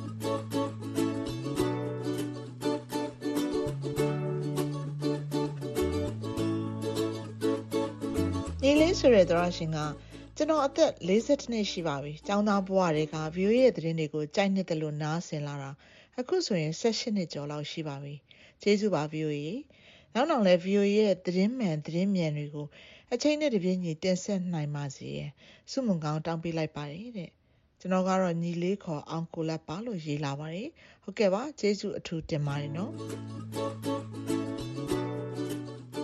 စင်တော်ဆိုတဲ့တော်ရရှင်ကလည်းအမြဲကြည့်ရှုပါတယ်တရင်နားမထောင်ရရင်အိတ်မပြောပါဘူးအလုတ်ထဲမှာဖုန်းမကန်ရလို့အလုတ်ကပြန်လာတော့ချက်ရပြုတ်ရနဲ့ညစ်နေမှာပဲ view ရဲ့အစီအစဉ်တွေကိုနားထောင်ပြတော့တယ်တဲ့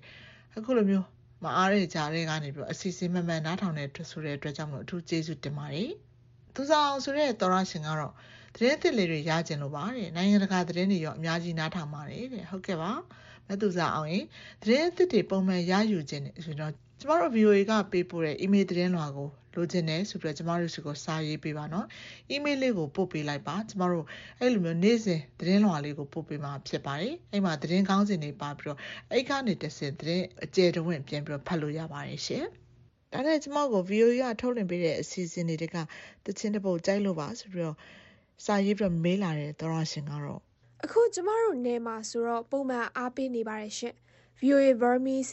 အမျိုးသမီးကဏ္ဍကနောက်ခံတခြင်းကိုအရန်ကြိုက်လို့ပါတခြင်းကောင်းစင်လေးပြောပြလို့ရမလားရှင်ဒေါင်းလို့ဆွဲပြီးတော့နားထောင်လို့ရအောင်ပါဖြစ်နိုင်ရဲ့ email ကနေစာပြန်ပေးပါနော်ရေဒီယိုတခါတလေလိုင်းမကောက်လို့ပါဟုတ်ကဲ့ပါဒီသောရရှင်ကအခုမှဒီဟာလေးမေးလာတာအရင်တော့ကကျမဖြေတာတွေမကြားလိုက်ဘူးထင်ပါတယ်နော်ဒီမျိုးအမျိုးသမီးကဏ္ဍရဲ့တခြင်းနဲ့ပတ်သက်ပြီးတော့သောရရှင်တွေတော်တော်လေးကြိုက်ကြလို့ခဏခဏစာရေးမေးလာတာရှိပါတယ်ရှင်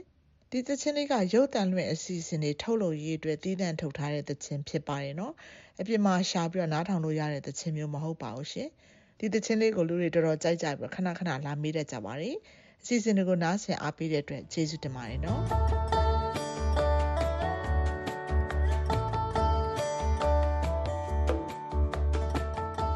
VOA ကိုစာရေးလာကြတဲ့သောရရှင်တွေထဲမှာတော့အများသောအားဖြင့်မြန်မာနိုင်ငံမှာနေ့စဉ်ကျင်လည်နေရတဲ့လူမှုဘဝအခြေအနေတွေပြီးတော့တွေ့ကြုံနေရတဲ့နိုင်ငံရေးအခြေအနေတွေနဲ့ပတ်သက်ပြီးတော့ကိုယ်ပိုင်တွေ့ကြုံတွေကိုယ်ပိုင်ထင်မြင်ယူဆချက်တွေကိုရေးလာကြတဲ့သောရရှင်တွေရဲ့စာတွေကိုအမြဲတမ်းရရှိပါတယ်နော်ဒီတဲ့ကအစာတွေကိုလည်းအပတ်စဉ်တိုင်းထည့်ပြီးတော့ဖော်ပြပေးနေပါတယ်ဒီဘက်သောရရှင်တယောက်ကတော့မင်္ဂလာပါဗျာဗီဒီယိုကိုအမြဲတမ်းအားပေးနေပါတယ်အရင်ကအစာမရေးဘူးပဲမဲ့ရေဒီယိုကနေပြီးတော့အမြဲတမ်းနားဆင်အားပေးနေတာပါ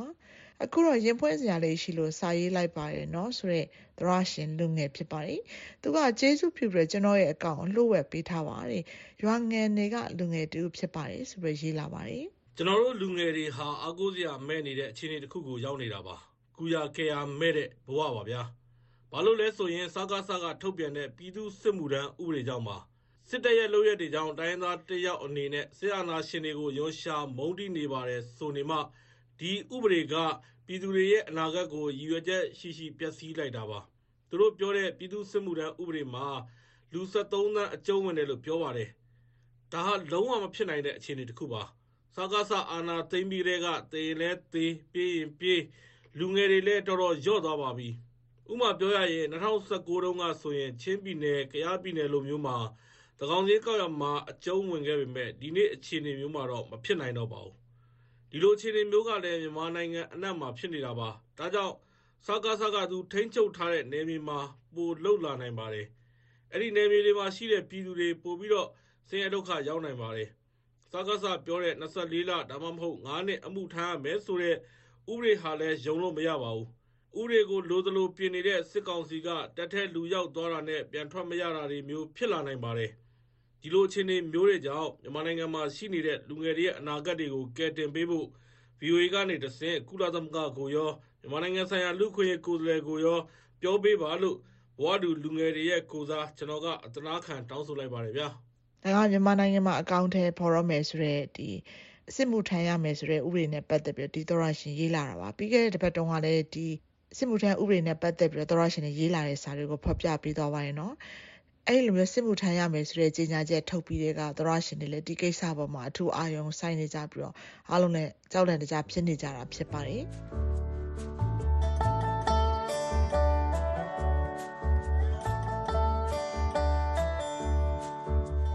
နိုင်ငံရေးကိုယ်ပိုင်ထင်မြင်ယူဆချက်ကိုရေးလာတဲ့သောရရှင်တယောက်ရဲ့စာကိုဆက်ပြီးတော့ဖော်ပြပေးသွားခြင်းပါတယ်။ VOA ဝိုင်းတော်သူဝိုင်းတော်သားတွေအားလုံးကျမ်းမာရွှင်လန်းကြပါစေ။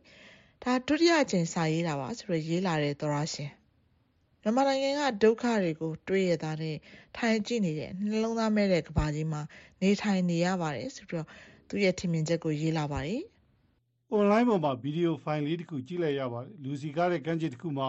သမီးကြီးစားဖြစ်ရန်တူတဲ့အတွက်တွဲမှာကောင်လေးကကောင်မလေးကိုမတရားနှိပ်စက်ညှဉ်းပန်းနိုင်ကျင့်နေတာကြည့်လို့အမြင်မတော်ပါဘူးအဲ့ဒါကိုဘေးမှာရက်ကြည့်နေတဲ့သူတွေကနည်းနည်းမှဝင်ရောက်ခံထားတာကိုမတွေ့ရပါဘူး အဲ့ဒီဗီဒီယိုကြည့်ပြီးတော့တော်တော်လေးစိတ်မကောင်းဖြစ်ရပါတယ်အော်လူတွေခံစားချက်မဲ့တဲ့နှလုံးသားမရှိတဲ့တာဝန်ယူလို့စိတ်မရှိတဲ့သူတွေပါလားလို့တွေးမိပါတယ်ကျွန်တော်တို့မြန်မာပြည်မှာလဲစစ်ကောင်စီကလက်နက်အားကိုးနဲ့ကိုယ်နိုင်ငံသားတွေကိုမျိုးမျိုးညှဉ်းပန်းနှိပ်စက်နိုင်တဲ့စီးနှင်းပြုတ်နေတာတွေရက်ရွာတွေကိုမီးလောင်တိုက်သွင်းနေတာတွေအရှင်လက်လက်မီးရှို့တက်နေတာတွေအဆိုးဆုံးကတော့တပင်းလက်ရက်ကုံစာတင်ကျောင်းလိုနောက်ပြီးခဲ့တဲ့နေ့ကမှလေကျောင်းတက်ခိုက်မှုလုပ်ခဲ့တဲ့ ဒမော့ဆိုကစာတင်ကျောင်းတွေလိုပညာသင်ကြားနေတဲ့ပြည့်မဲ့ကလေးငယ်တွေကိုအညိုတကြီးတက်ဖြတ်နေတာတွေကို globalization လို့ခေါ်တဲ့ကမ္ဘာအတိုင်းအဝိုင်းကြီးကကြားနေမြင်နေသိနေပါရဲ့နဲ့ခံစားချက်မဲ့တဲ့နှလုံးသားနဲ့တာဝန်ယူလို့စိတ်ကင်းမဲ့စွာနဲ့ကြည်နေနိုင်ရက်တာအံ့ဩမိပါရဲ့ဗျာကဘာကြီးကနှလုံးသားမရှိတဲ့ကဘာကြီးများဖြစ်သွားပြီလားလို့ရှင်နာနာနဲ့မေးလိုက်ချင်ပါတယ်ကြောက်ခင်မှာနေနေရလို့အကောင့်အမည်လေးတော့မဖော်ပြစီချင်ပါဘူးကျေးဇူးပါ VOA ကြောက်ခင်မှာနေရလို့အကောင့်နာမည်လေးမဖော်ပြစေချင်ပါတဲ့ဒါမဲ့လည်းရွာငယ်နယ်ကလူငယ်တူလို့တော့ရေးလာတာပါနော်ဒီသောရရှင်ကမြန်မာနိုင်ငံမှာဖြစ်နေတဲ့ပြဿနာတွေကိုနိုင်ငံတကာကဘာကြောင့်ဘာမှဝင်ပြီးလောက်ကင်ပေးလို့မရတာလဲဆိုတော့သူ့ရဲ့ထင်မြင်ယူဆချက်ကိုမကြေမနက်ဖွင့်ဟလာတာပါသောရရှင်ရဲ့ရင်ဖွင့်စာတွေကိုအချိန်ရသလောက်ဖော်ပြပေးခဲ့တာပါအားလုံးအတွက်ပုံမကောင်းမွန်အဆင်ပြေတဲ့နေ့ရက်တွေမကြခင် မကြခင် ရောက်ရှိပိုင်ဆိုင်နိုင်ပါစေလို့ဆန္ဒပြုမိပါတယ်ကျ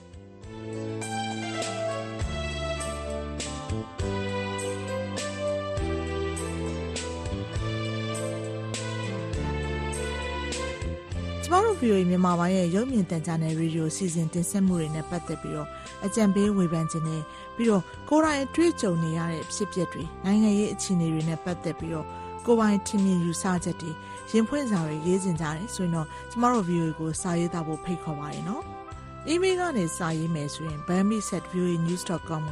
မြန်မာပြည်မှပေးစာများအစီအစဉ်ဆိုပြီးတော့ရေးသားပေးပို့နိုင်ပါတယ်။ Facebook အသုံးပြုတဲ့သူတွေအနေနဲ့လည်း VOA Burmese News ဆိုတဲ့ VOA မြန်မာပိုင်းရဲ့ Facebook စာမျက်နှာကိုတွားပြီးတော့မှတ်ချက်တွေလာပြီးတော့ရေးနိုင်တယ်လို့ VOA မြန်မာပိုင်း Facebook Messenger ကနေပြီးတော့လည်းစာရေးပို့လို့ရပါတယ်။သောရရှင်တွေစီကတုံ့ပြန်အကြံပြုလာမှာတွေကိုစောင့်မျှော်ကြိုးစွနေပါတယ်ရှင်။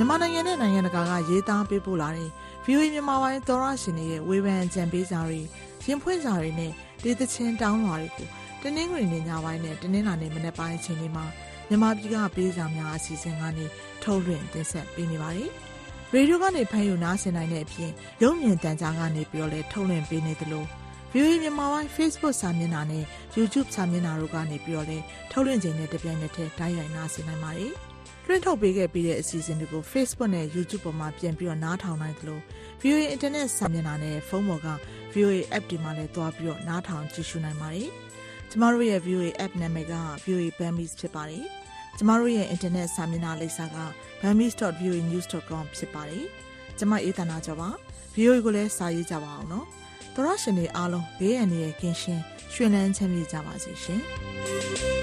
။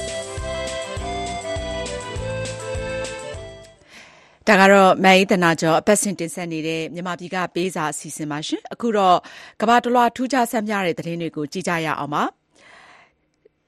ဂျပန်နိုင်ငံမှာ အမျိုးသမီးတွေ ပထမဆုံးအကြိမ် ပါဝင်ဆင်နွှဲတဲ့ ကိုလုံးတီးပွဲတော်ကို ဘုရားကျောင်းတခုမှာ ကျင်းပခဲ့ပါတယ်။ခရိုအေးရှားနိုင်ငံသူတဦးကတော့ ရေခဲပြင်အောက် မီတာ ၁၄၀ အထိ ဘာအထောက်အကူမှ မပါဘဲ အလွတ်ရေငုပ်ပြီး Guinness ကမ္ဘာ့မှတ်တမ်းစံချိန် တင်လိုက်ပါတယ်။ဒီလို ကမ္ဘာတလွှား ထူးခြားတဲ့ သတင်းတွေကို ကိုငြိမ်းချမ်းနဲ့အတူ မခင်ဖြူထွေးက ပြောပြပေးမှာပါ။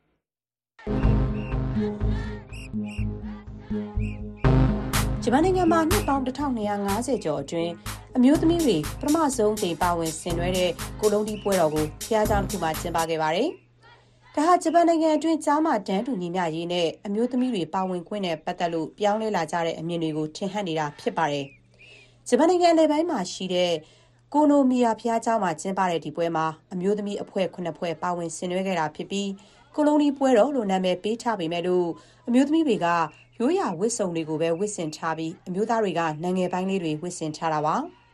ဒီပွဲတော်မှာအမျိုးသမီးတွေအနေနဲ့ဝါးပင်တွေကိုထမ်းလာပြီးဖះเจ้าကိုလူဒန်းခဲ့ကြပါတယ်အမျိုးသမီးတွေပါဝင်ခွင့်ကိုပိတ်ပင်ထားတာမရှိပေမဲ့လည်းသူတို့မပါဝင်တာကိုပဲဂျပန်လူအတိုင်းဝိုင်းကလက်ခံထားတာပါအမျိုးသမီးတွေအနေနဲ့ပွဲတော်ရဲ့အဓိကအစိတ်ပိုင်းတစ်ခုဖြစ်တဲ့တယောက်နဲ့တယောက်တွန်းတွန်းတိုက်တိုက်လုပ်ပြီးမကောင်းဆိုးဝါးကိုမောင်းထုတ်တဲ့ပွဲမှာတော့ပါဝင်ခဲ့တာမရှိပါဘူး အဲ့ဒီအပိုင်းကတော့အမျိုးသမီးတွေအနေနဲ့ပါဝင်ဖို့ခက်ခဲမယ်လို့အဲ့ဒီဖျားเจ้าကဘုန်းကြီးတစ်ပါးကပြောဆိုခဲ့ပါတယ်ရှင်ခရိုအေးရှားနိုင်ငံသူဗလက်တီနာကက်ဖိုလာဟာရေခဲပြင်အောင်မီတာအနက်140အထိဘာအထောက်အကူမှမပါဘဲအလွတ်ရေငုပ်ပြီး Guinness ကမ္ဘာမှတ်တမ်းစံချိန်တင်လိုက်ပါတယ်။ရေရပြားတစ်ခုပဲခြေထောက်မှာတက်ဆင်ထားပြီးတော့အောက်ဆီဂျင်ဘူးမပါဘဲအေးဆက်နေတဲ့အီတလီ Alps တောင်တန်းတွေပေါ်က လာဂိုဒီအရက်ဆဗဲလာရေကန်ကြီးရဲ့အောက်ခြေကိုငုပ်ခဲ့တာပါ။သူရေငုပ်တဲ့အချိန်မှာရေရဲ့အပူချိန်က3 degree Celsius ပဲရှိပြီးတော့နှင်းတွေကကျနေတာပါ။ရေငုပ်ချိန်1မိနစ်စက္ကန့်40ကြာခဲ့ပြီးသူ့ရဲ့နှလုံးခုန်နှုန်းက1မိနစ်ကိုအချက်50အထိရော့ကျသွားခဲ့တာပါ။သူဟာ2018ခုနှစ်ကဂျပန်နိုင်ငံသူယိုဆူကိုအိုဇီကီက126မီတာရေငုံပြီးတင်ထားတဲ့စံချိန်ကိုချိုးနိုင်လိုက်တာပါ နောက်တစ်ရက်မှာပဲရေရက်နှစ်ခုနဲ့အနက်မီတာ80ကျော်အလွတ်ရေငုပ်ပြီးစံချိန်သစ်တင်ခဲ့ပါတယ်။ဆာဘီးယားနိုင်ငံဘဲလ်ဂိတ်မြို့တော်မှာဇူလိုင်လထဲကျင်းပမဲ့ကမ္ဘာအလွတ်ရေငုပ်ပြိုင်ပွဲမှာလည်းသူဝင်ရောက်ရှင်ပြိုင်ဖို့စီစဉ်ထားပါတယ်ခင်ဗျာ။ပြင်သစ်နိုင်ငံမှာလေကွန်နဲ့လှုပ်ထားတဲ့ကမ္ဘာအကြီးဆုံးနိုင်ငံစည်းရေးပကြီးပုံလူကြီးတစ်ခုဖန်တီးလိုက်ပါတယ်။အရှည်22မီတာအကျယ်1.84မီတာရှိတဲ့လေကွန်နိုင်ငံကြီးဟာ Brexit ကမ်းမှာ ဆိုက်ကပ်ထားတဲ့ သမိုင်းဝင် Notre Dame de Romango သင်္ဘောပုံတူကို ဖန်တီးထားတာပါ။သမိုင်းဝင်သင်္ဘောကြီးကို ပြန်လည်ပြုပြင်ဖို့အတွက် ရန်ပုံငွေရှာခဲ့ကြတာဖြစ်ပြီး သင်္ဘောပြုပြင်ဖို့အတွက် ယူရို2သိန်းခွဲ ကျမယ်လို့လည်း ခန့်မှန်းထားပါတယ်။ Guinness ကမ္ဘာ့စံချိန်အဖွဲ့က တရားဝင်အကြီးဆုံးအဖြစ်အတိမတ် မပြုသေးပေမဲ့လို့လေကိုတုံးပေါင်း2သိန်းခွဲသုံးပြီး ဖန်တီးထားတဲ့ ဒီပုံကြီးကို Guinness အဖွဲ့ရဲ့ အသိအမှတ်ပြုခံရဖို့ လိုအပ်တဲ့ ဓာတ်ပုံတွေ၊အချက်အလက် သက်သေခံချက်တွေကို ပေးပို့သွားမှာ ဖြစ်တယ်လို့ ဒီပွဲကို စီစဉ်ခဲ့သူတွေက ပြောပါတယ်။ဒါပေမဲ့ ဒီဖန်တီးထားတဲ့ သင်္ဘောပုံတူကို Guinness အဖွဲ့က တရားဝင် မှတ်တမ်းတင်နိုင်အောင် Guinness အဖွဲ့ကနေ လာရောက် အသိအမှတ်ပြုပေးဖို့ ဖိတ်ခေါ်မယ်ဆိုရင် ယူရို၁သောင်းခွဲကုန်ကျမှာဖြစ်လို့ ဒီငွေကို သင်္ဘောပြုပြင်ရာမှာပဲ သုံးစွဲဖို့အတွက်ဆုံးဖြတ်ခဲ့ပါတယ် တရုတ်နိုင်ငံမှာလမစေပဲမွေးဖွားလာတဲ့ကမ္ဘာအသေးငယ်ဆုံးကလေးငယ်တယောက်ရဲ့မွေးရပါလဲမျိုးချူရင်းချက်တစ်ခုကိုရှန်ဟိုင်းမြို့ရှင်ဝါဆေးရုံမှာအောင်အောင်မြင်မြင်ခွဲစိတ်ကုသပေးနိုင်ခဲ့ပါတယ်။စံစည်းလောက်ပဲရှိတဲ့ Thoracoscope လေချောင်းနဲ့ရင်ကောင်းကိုကြည့်နိုင်တဲ့ပိုက်ကလေးကိုသုံးပြီးလမပြည့်ပဲမွေးဖွားလာတဲ့ကလေးငယ်တဦးကိုအောင်အောင်မြင်မြင်ခွဲစိတ်ကုသပေးနိုင်ခဲ့တာပါ။ဒီအမျိုးသားကလေးငယ်ရဲ့လေချောင်းအနောက်ကအစာရည်ပြွန်ဟာအောက်ဘက်ကအစာရည်ပြွန်နဲ့ချိတ်ဆက်မှုမရှိတာကြောင့် ဒါကိုပြုပြင်ဖို့အတွက်ခွဲစိတ်မှုလုပ်ခဲ့ရတာပါဒီလိုချိတ်ဆက်မှုမရှိတဲ့အတွက်နို့ရည်ဟာအစာအိမ်စီကိုတေချာမရောက်နိုင်ပါဘူးဒီကလေးငယ်ဟာကိုဝင်32ပတ်မှာမွေးဖွားလာခဲ့တာဖြစ်ပြီးတော့အလေးချိန်1.2ပေါင်နဲ့ခန္ဓာကိုယ်အလျားတပေအောက်မှာပဲရှိတာပါပုံမှန်လားစေးတဲ့ကလေးငယ်တွေမှာခွဲစိတ်မှုအ ਨੇ ဆုံးဖြစ်တဲ့ thoracoscope ကိုသုံးပြီးကုသပေးနိုင်ပေမဲ့လည်းလားမစေးတဲ့ကလေးတွေကိုတော့အရင်နည်းတွေအရာဆိုရင် ခန္ဓာကိုယ်ကို ခွဲစိတ်ဖွင့်ထုတ်ပြီးမှကုသနိုင်တာပါဒါပေမဲ့လည်းအခုကလေးကိုတော့ခွဲစိတ်မှုအ ਨੇ ဆုံးနီးနဲ့မိနစ်60အတွင်းကုသပေးနိုင်ခဲ့တာပါအခုအချိန်မှာတော့ဒီကလေးအနေနဲ့နေကောင်းကျန်းမာလာနေပြီးအလေးချိန်9ပေါင်နီးပါးအထိရှိနေပါပြီခင်ဗျာ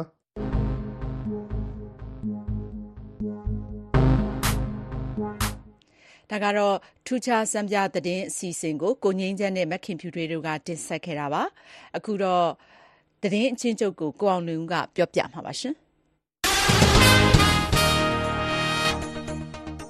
အစ္စရေးနဲ့ဟာမတ်စ်ကြားဂါဇာဒေသမှာအပြစ်ခတ်ရဲစဲဖို့နဲ့ဖမ်းဆီးထားတဲ့ဒဇာကနေပြန်လွတ်ဖို့သဘောတူညီချက်ရရှိရေးအီဂျစ်နဲ့ကာတာနိုင်ငံကစစ်ဆက်ညှိနှိုင်းသူတွေနဲ့ဆွေးနွေးမှုတွေကိုကိုင်ရိုမြို့မှာဒီနေ့ပြန်လည်စတင်ပါတယ်။နောက်ဆုံးဆိုပြုချက်ပေါ်ဟာမတ်စ်ဒီဘက်ကတုံ့ပြန်ချက်ရမယ်လို့လည်းခံမှန်းနေကြတာပါ။ဆိုပြုထားတဲ့အတိုင်းလက်ခံကြမယ်ဆိုရင်တော့ဂါဇာဒေသမှာသတင်းချက်ပတ်ကြာ ပြစ်ခတ်ရဲစဲထားပြီးဟာမတ်စ်တို့ဖမ်းဆီးထားတဲ့ဇာကန်တွေကထိခိုက်နစ်နာနိုင်သူတွေကိုဦးစားပေးပြန်လွတ်မှာဖြစ်တယ်လို့စာနာမှုအကူအညီတွေကိုလည်းပုံမခွင့်ပြုသွားမှာပါ အမေရိကန်ပြည်ထောင်စုအိုင်ဒါဟိုနဲ့မစ်ဇူရီပြည်နယ်တွေမှာကျင်းပခဲ့တဲ့ Republican Party တွင်သမ္မတလောင်းရွေးပွဲမှာသမ္မတဟောင်း Donald Trump အနိုင်ရသွားပါတယ်။စနေနေ့ကရွေးချယ်ပွဲမှာအနိုင်ရတာကြောင့် Michigan ပြည်နယ်မှာကျင်းပမဲ့ပါတီညီလာခံကြရင်မဲပေးခွင့်ရှိတဲ့ကိုယ်စားလှယ်မဲ39မဲစလုံးကိုရရှိပြီး Republican Party ရဲ့သမ္မတလောင်းဖြစ်ရွေးချယ်ခံရဖို့လဲပုံမနီးစပ်လာနေတာပါ။သမ္မတဟောင်း Trump နဲ့ပြိုင်ဖက်ဖြစ်တူးရတဲ့ကျွန်တော်တဲ့ကုလသမဂ္ဂတမန်ကြီးဟောင်း Nikki Haley ကတော့ပထမဆုံးအချိန်သမ္မတလောင်းဖြစ်ခွင့်ရဖို့ဆက်လက်ရှင်ပြိုင်နေစေဖြစ်ပါတယ်။ မြန်မာနိုင်ငံနယ်စပ်ကအွန်လိုင်းရာဇဝတ်ကိုင်းတွေမှာပိတ်မိနေကြတဲ့တရုတ်နိုင်ငံသားတွေတဲက900လောက်ကိုပြီးခဲ့တဲ့သတင်းပတ်ထဲတရုတ်နိုင်ငံကိုလွှဲပြောင်းရမှာအကူအညီပေးခဲ့တဲ့အကြောင်းထိုင်းဝန်ကြီးချုပ်ကဒီကနေ့ပဲပြောပြောလိုက်ပါတယ်ပြီးခဲ့တဲ့သတင်းပတ်ကြာသပတေးနေ့ကနေစနေနေ့ထိမြန်မာနိုင်ငံနယ်စပ်မြို့မြောက်ရီကနေထိုင်းနိုင်ငံမဲဆောက်မြို့လေရင်ဝင်းကိုတရုတ်နိုင်ငံသားတွေပို့ဆောင်ပေးခဲ့ပြီးမဲဆောက်လေရင်ဝင်းကတဆင့်တရုတ်နိုင်ငံကိုလေရင်နေနဲ့ပြန်ခေါ်သွားခဲ့တာဖြစ်ပါတယ်ခင်ဗျာ။ ကျေးဇူးတင်ပါတယ်ရှင်တနင်္ဂနွေညချမ်းအတွက်အစီအစဉ်ထုတ်လုပ်ရေးမှုကတော့ကိုရန်နိုင်ပါရှင်အတန်ဖန်အင်ဂျင်နီယာကတော့ Helen Gordian ဖြစ်ပါတယ်ရုပ်သံအင်ဂျင်နီယာကတော့ Jonah ကမင်းပါရှင် VOA မြန်မာပိုင်းစီစဉ်ကို နားဆင်အားပေးကြတဲ့အတွက်လည်းကျေးဇူးတူတင်ပါတယ်ကျမတို့အစီအစဉ်တွေကို website စာမျက်နှာဖြစ်တဲ့ burmese.voanews.com မှာလည်းအချိန်မရွေးနားဆင်ကြည့်ရှုနိုင်ကြပါတယ်ရှင် BND ရဲ့အသွေးတွေကနေကင်းဝေးကြပါစေကျမအင်ဂျင်နိုင်ပါ Thank you.